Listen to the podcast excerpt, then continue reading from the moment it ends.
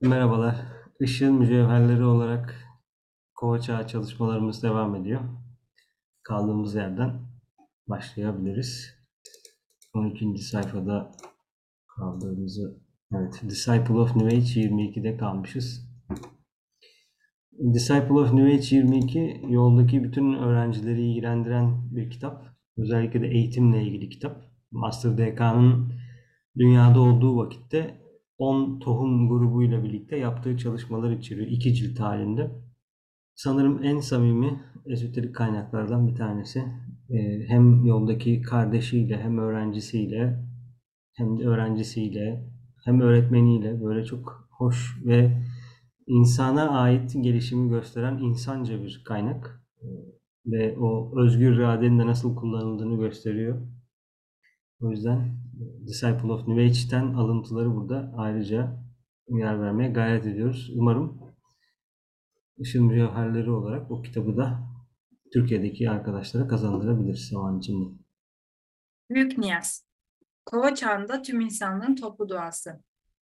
Bu sefer size daha önce verdiğim bazı temel fikirleri tekrarlamak istiyorum. Ayrıca size yedi meditasyonun tamamının sentezini göstermek ve bunların adayı adım adım bilgiden bilgeliğe nasıl yönlendirebileceğini göstermek istiyorum. Bu meditasyonlar sizin tarafınızdan dikkatle takip edilirse sizi kalbe odaklanmış bir adaydan büyük niyazı uygulayan aşramik bir hizmetkara dönüştürebilecekleri gerçeğini kavramanızı istiyorum. Son zamanlarda size verdiğim bu niyaz, kova çağında tüm insanlığın toplu duasıdır. Bu nedenle insanlığın hizmetine aday olan her öğrencinin onun dağıtımını ve günlük kullanımını temel bir görev ve yükümlülük haline getirmesi esastır. Bunu size daha önce de vurgulamıştım ve şimdi size bunu yapıp yapmadığınızı sormak istiyorum. Yaratılış kitabında Genesis'te işte Tanrı Adem'e soruyor neredesin diye. Çok komik bir şey yani. Nerede olduğunu bilmiyor musun? Görmüyor musun? Zaten nerede olabilir yani işin şeyi. Ama orada yine bir alegori var. Neredesin diye sorması Adem'e. O yüzden burada da yapıp yapmadığınızı sormak istiyorum diyor ya. Hani bu da onun gibi bir şey. Yani yapıp yapmadığı belli değil mi zaten? Anlamıyor musun yani onun bir saniyede? Çünkü aşram e, master'la öğrencilerin arasında bazı seviyeler var. İşte o seviyelerden bir tanesi auranın içinde oluyorsun artık. Ya da auranın dışında oluyorsun ve öğretmen bakmak istediğinde bir saniyede senin mental bedeninde ne olduğunu, astral bedeninde ne olduğunu görebiliyor. O yüzden yapıp yapmadığını sormak istiyorum demesi bile bence büyük bir hassasiyeti gösteriyor. Tabii bu auranın içinde olmak ya da ona bakıyor, bakabiliyor olması, onun özgür iradesini ortadan kaldıracak ya da onun kendi karmasını, çalışmasını ortadan kaldıracak bir şey değil.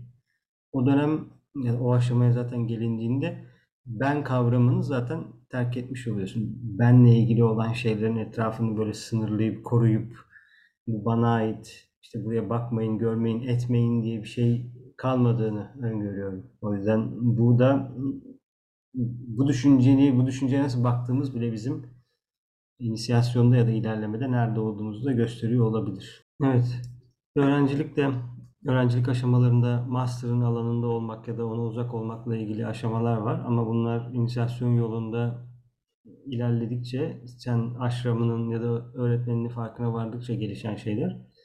O yüzden Disciple of New Age'de Master öğrencilerine ya da birlikte çalıştığı aşramında ilerlediği kişilere bunu yapıp yapmadıklarını soruyor. Bu metot bile çok hoş bir şey. Çünkü özgür iradeyi ona veriyor. Yani masterlar yapılması gerekeni yapıp ya da yapılması gerekeni bir yere yazıp senin bunları otomatik olarak yapmanı beklediklerini sanmıyorum. Yoksa her durumda ondan bir onay alman gerekiyor olabilir ya da her durumda yapılması gerekeni sorabilirsin. Ama bu da bu sefer senin özgür iradenle ilerlemeni ortadan kaldırabilir. Dolayısıyla sen bir şeylerin ne yapılması gerektiğine de içsel olarak uyanman gerekiyor.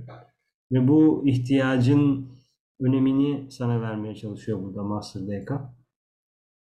Çünkü Büyük Niyaz e, üzerine çalışılan bir metin. Her ne kadar e, geleceğin e, sisteminde, kova çağında Büyük Niyaz başka bir yere otursa da aslında bakıldığında ilk olanın zihninden ışığın insanların zihnine akmasını sağlıyor. Işığın kaynağının ne olduğu e, öğrenci için önemli bir soru işareti. Yani bu sisteme ışık denilen şey nereden geliyor? O ışıkla sembolize edilen yer neresi? Hangi kaynaktan ışık çağrılıyor? Çünkü okült bir çalışma yapıyorsun. E, aynı şekilde kalp gelsin ya da kalpler buluşsun, o kalplerin buluştuğu yerde başka bir varlık gelmesi planlanan ya da dünya dinlerinde, kültürde tekrar geri gelecek olan bir varlık var. İsmi her neyse. Onun geri gelmesinin kalple arasındaki bağlantı ne? Neden o varlık kalple anılıyor?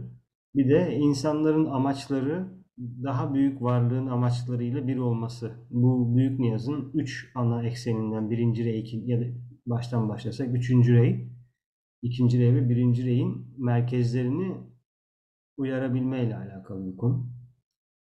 İnsanların amaçlarına baktığınızda daha büyük varlıkların amaçlarıyla bir olmadığını ya da farklı yönlere baktığını fark edebiliyoruz bazen. Bu birazcık kaderci anlayışla zaten ne yöne bakarlarsa baksın onların baktığı yön de buraya hizmet ediyor gibi bir cevap verilebilir burada. Eğer e, her şey zaten bir şeye hizmet ediyorsa o zaman e, çabayı nereye koyacağız? E, bu cevap bizi çok tatmin etmeyebilir. Birazcık mistik bir anlayışa götürüyor bu.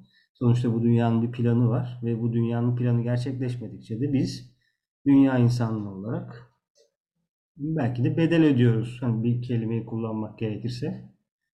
E, madem her şey güllük gülistanlıktı, güllük gülistanlıktı, 12 bin yıl önce neden su seviyesi 120 metre yükseldi dünya çapında? Dünya nüfusunun çoğu yok oldu. E, bu önemli bir soru işte. Yani kitaplarda tufan denilen şey var. Efsaneleri var. Farklı farklı kültürlerde sudan çıkan bazı varlıklar, işte devler, neyse artık bunlar. E, insanlar o zaman bunlara tanrı diyorlardı. Çünkü çok parlaklar. İletken bir ortam. Auralar net gözüküyor. E, görüyorlar auralarını. Etrafındakine bakıyor karanlık. E, gelene bakıyor aydınlık, parlıyor. Herhalde sen tanrı olmalısın diyor. Ona tapıyorlardı da bir şekilde. Putlaştırıyorlardı. Çünkü bilim, yani öyle bir kesinti olmuştu orada da. Dolayısıyla hemen madem her şey yolundaysa ve bütün bu başka türlü amaçlar bile daha büyük varlığın amacına hizmet ediyorsa e, çok daha gelişmiş uygarlıkların neden böyle yaptığı bence önemli bir araştırma konusu. Büyük niyaz üzerine çok konuşulabilir. E, önemli bir konu. Yani öğrencinin günlük meditasyonlarında ya da günlük düşüncelerin içinde önemli bir yere oturuyor. O yüzden burada bir paragraf olarak verse bile Master DK bunun önemini söylüyor. Çünkü Master DK'nın öğretisini vermeye başladığı dönemler Birinci Dünya Savaşı, İkinci Dünya Savaşı'nın çok kritik anları. Dolayısıyla insanların birbirini öldürmek istediği zamanlar. Şimdi düşünsenize bir e, ırk var ve bu ırkın astralinde, mentalinde bir öldürme ile ilgili bir şey dönüyor sürekli. Bu düşünceler dönüyor. Ölmek, öldürülmek, hayatta kalmak, kaçmak, sığınmak, saklanmak. Bu duyguyla, bu astralle, bu mentalle ne olacak? Dolayısıyla bir şeyler verilmesi gerekiyordu insanlığa. Büyük Niyaz da onlardan bir tanesiydi sanırım. O yüzden insan okült olarak parçası olduğu plandan ve daha büyük planlardan bu yöntemle büyük bir ışık çekti. Öyle söylemek gerekirse. Çünkü biz çağırabiliyoruz. Bu çağırma konusu ve çağrıya gelecek olan konusu önemli bir konu. Ama bunun böyle mistik olmaması gerekiyor. Bir yerde olabildiğince bunun kaynağının ne olduğuna dair okült zihnimizde, mental bedende izlerin olması gerekiyor ki çağrı daha net bir şekilde gitsin. Telgraf gibi. Yani sen İzmir ilçesine telgraf çekebilirsin. İzmir ilçesinde 2 milyon kişi yaşıyor ama daha da spesifik olursan şey gibi işte mesela bir bir şey taşıyorsun. Mektup taşıyorsun. Mektubu hükümet konağına götürüp valiliğe götürüp bırakmak ayrı. Şehrin merkezinde bırakmak ayrı. En azından hükümet konağında yerel yönetimle ilgili birisi var. O en azından gelen mektubu alabilir. Bunu böyle düşünmek faydalı olabilir belki. O yüzden amacımız daha büyük varlığın amacı olursa ki bu öğrencinin kendine soracağı ilk soru Amacın ne? Ne yapıyorsun? Bunu neden yapıyorsun? Birinci rey. Birinci reyin sorusu bu. Ve buna e, kemküm edemeyiz. Yani bunun, bunun bir cevabı var. Ya da sen buna farklı farklı cevaplar verebilirsin ama o yine bir cevaba doğru gidiyor. Çünkü e, çok net bir şey birinci rey. Çok net bir yaklaşımı var. O yüzden bu ileriki metinlerde de birinci reyi de görüyor. Çünkü e, dünya irade merkezinden çok fazla karışmıyor ama e, 18 milyon yıllık insan gelişiminde 3 defa dünya irade merkezinin işin içine dahil olduğu söyleniyor. Bunlardan da en sonu Atlantis'in batması sırasında. Bir de e, insanlığın hayvanlıktan insanlığa geçiş sırasında oluyor. O yüzden kendini her gösterdiğinde o büyük merkez e, çok büyük bir etki oluyor dünya üzerinde. O yüzden birinci reyi kaldıramıyoruz çok. Bunu kaldırabilecek, kaldırmak uygun kelime mi onu da bilmiyorum ama ya da o enerjiye cevap verebilecek bir enerji olduğunu da bilmiyoruz. O yüzden amaca odaklanmak bizi ahenkli hale getiriyor. İşte büyük abilerimiz, ablalarımız ahenksizliğin bir şekilde bedelini ödemişler olabilir. O yüzden aslında yine bedeli biz ödüyoruz. Yani kim kim temizleyecek bu karmayı? Şimdi dünya öğrencileri, sen ben. Yani onlar yaptı gitti diye bir şey yok ki. Şimdi bundan 500 milyon demeyelim, düzeltelim orayı. Bundan bir süre önce diyelim, tarif vermeyelim. Doğanlar tekrar doğuyor. E, Oradaki madde, onların ürettiği düşünce formları, varlıklar tekrar o kişiyle birlikte bu anın içine giriyor. İşte Mısır var bize en yakın şeylerden bir tanesi ve puf yok. Dibimizde Mısır var. Sırtımızı dayıyoruz taşlara ama yok. Bıçak keser gibi hiçbir şey yok. E bu bence önemli bir soru. Yani ne oldu da bunlar oldu diye. O yüzden Büyük Niyaz Lusistras'ın sitesinde var. En son 76 dile çevrildiğini hatırlıyorum. Bizim kitaplarımızda da yer veriyoruz. Yeni ay dolunay meditasyonlarında da buna yer veriyoruz. Üçlü bir ayak var burada. Birinci rey, ikinci rey ve üçüncü rey. Ama niyaz üçüncü reyden başlıyor, ışıktan başlıyor. Işığın insanların zihnine gelmesini istiyor. Bu bağlantı önemli bir bağlantı. Işık zihin, ikinci rey kalp, birinci rey irade.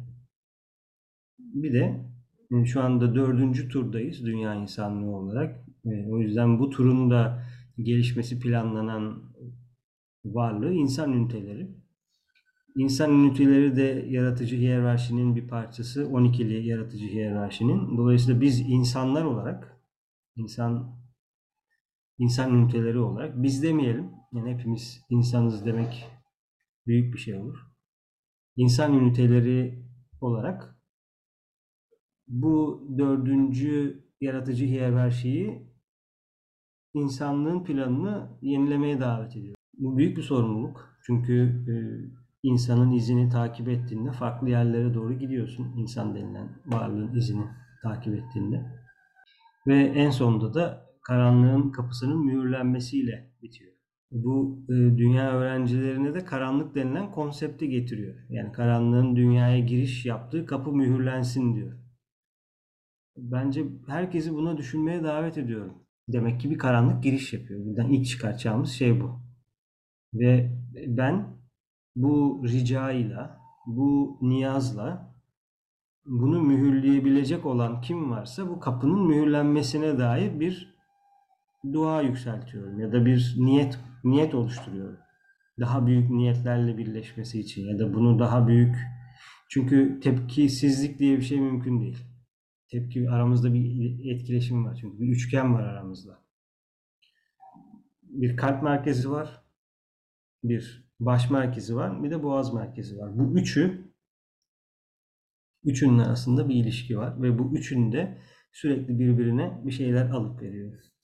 O yüzden hiyerarşinin buradaki amacı dünya insanlığını eğitmek ve baş merkezinin de amacı dünya planının gerçekleşmesi için çalışmak kısaca özetlemek gerekirse. O yüzden büyük niyaz 3 artı birlik bir dünya planının bir göstergesi gibi bir yerde. Hem için, için işin içinde ilk üç rey, ilk üç reyin çok yalın ve öz anlatımı, ışık, sevgi ve irade. Bütün o karmaşıklığına rağmen buraya indirilebiliyor. Ve çok da güzel çalışan bir şey. Bunun tabi karşılıklık yasası gereği Law of Correspondence İngilizcesini söylemek belki daha faydalı olabilir. Çünkü öğrenci neyin nereye karşılık geldiğini araştırmalı.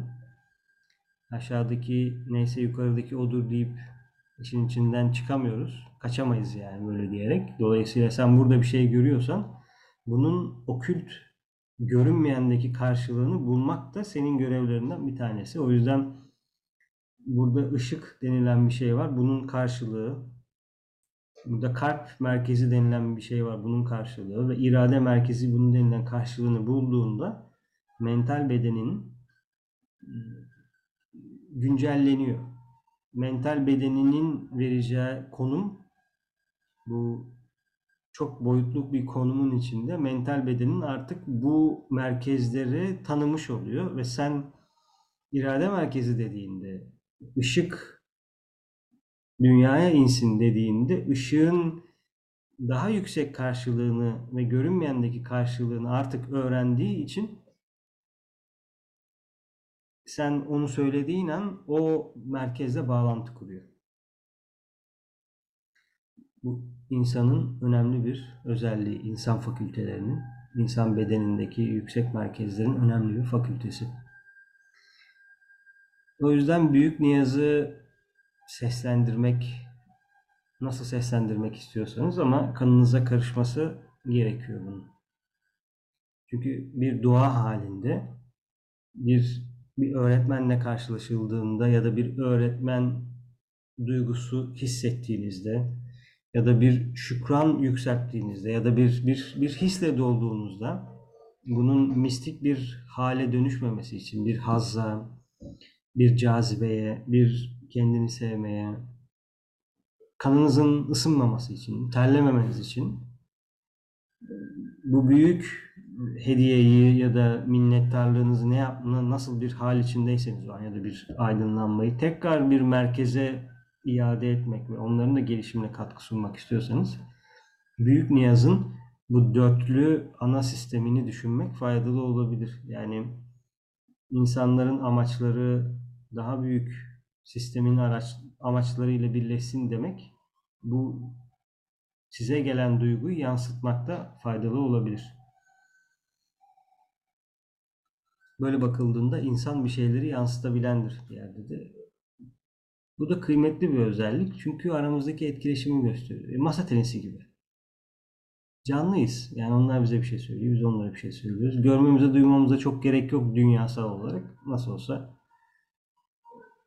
e, şüpheci Thomas gibi gidip dokunmaya da gerek yok çünkü.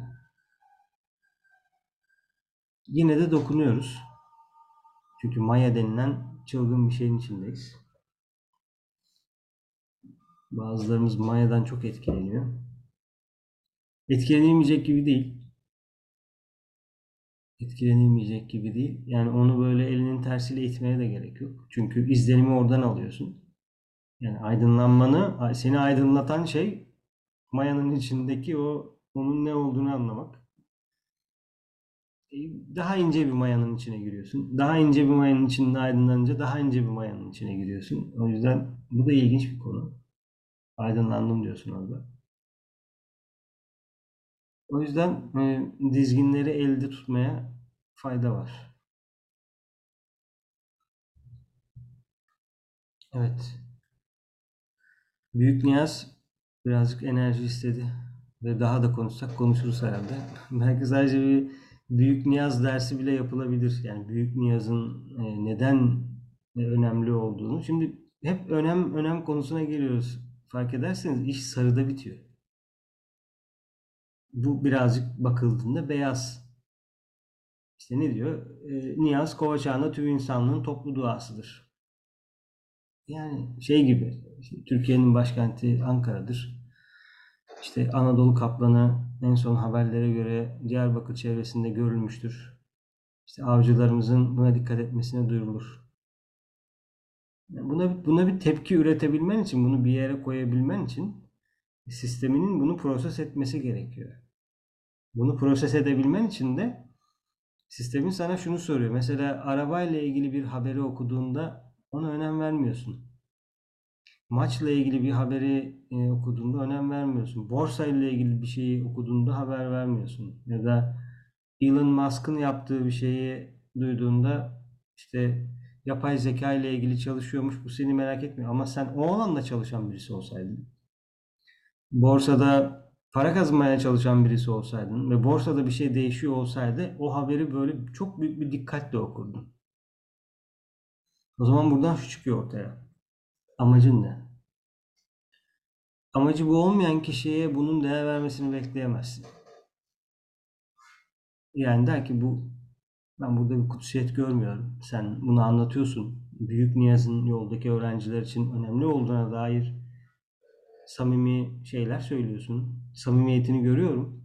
Bunun sendeki karşılığını da az buçuk hissedebiliyorum ama bende bir işe yaramıyor. Çünkü ben bununla ilgilenmiyorum.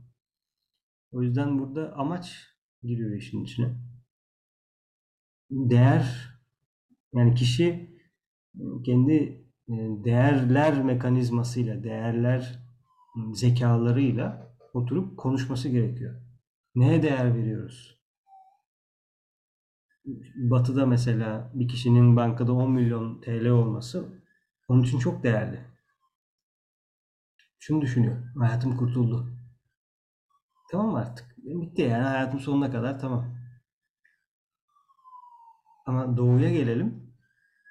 Asıl kurtuluş seni kurtuluşa götürecek bir öğretmen, bir topluluk ve bir öğreti içinde olma.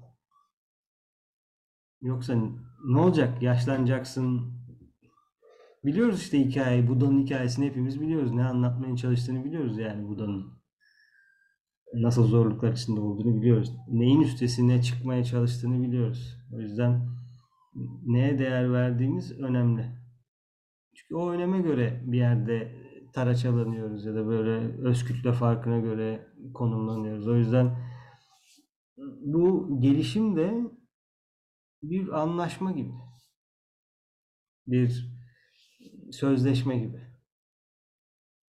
Neye değer veriyorsun? Mesela eğer şu senin değerinse ben yola, insanlığın gelişimine ve üstadlara değer veriyorum. Bütün canlıların yaşama hakkına ve gelişme hakkına değer veriyorum. Onların gelişebilmesi için uygun mekanları sürdürmeye çok önem veriyorum.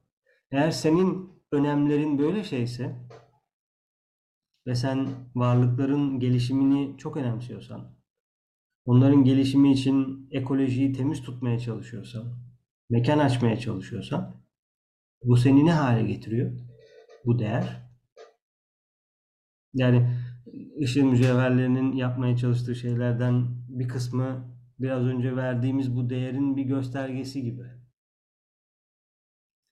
Yani alan açmaya, varlıkların gelişimi için al bak burada böyle bir alan var, burada böyle bir bahçe var. Karman buna uygunsa ne halin varsa gör. Git burada yap, geliş. İstersen batır, istersen çıkar. O sana kalmış. O yüzden o özgürlük alanını açabilmek için de değer vermen gerekiyor. Çünkü ekonomi yasası diye bir yasa var. Ekonomi yasası gereği birazcık bir şeyi göstermen gerekiyor olanın açılabilmesi için. O yüzden büyük niyaza değer vermezsek eğer e, sadece bir yapılması gereken bir şey olarak yaparsak nereye gider bilmiyorum. Mistik bir duygusallık içinde bir yüksek özlemle bunu yapmak gerekiyor. Mistik kısmı biraz daha düşük duygulara cevap verebiliyor olabilir. Bunu yok saymayalım. Yani hayatın içinde düşük duygularımız da var, yüksek duygularımız da var. Sadece farkına varalım ne olduğunu ve aşramik hizmetkara dönüşebilecekleri gerçeğinizi kavramak istiyorum diyor. Bence bu bir öğrencinin en büyük hediyelerinden bir tanesi aşramik bir hizmetkara dönüşebiliyor olmak. Buradan anlıyoruz ki aşramın içindekiler de böyle dualar ediyor. Ya da böyle birbirleriyle böyle birbirlerini çağırabiliyor olabilirler. Çünkü festivaller dönemine giriyoruz. Ve artık daha yoğun çağrılar yapılmaya başlanacak. Değil mi? Tavşan geliyor artık. Üremeye başlayacak bazı şeyler. Ve koç, baba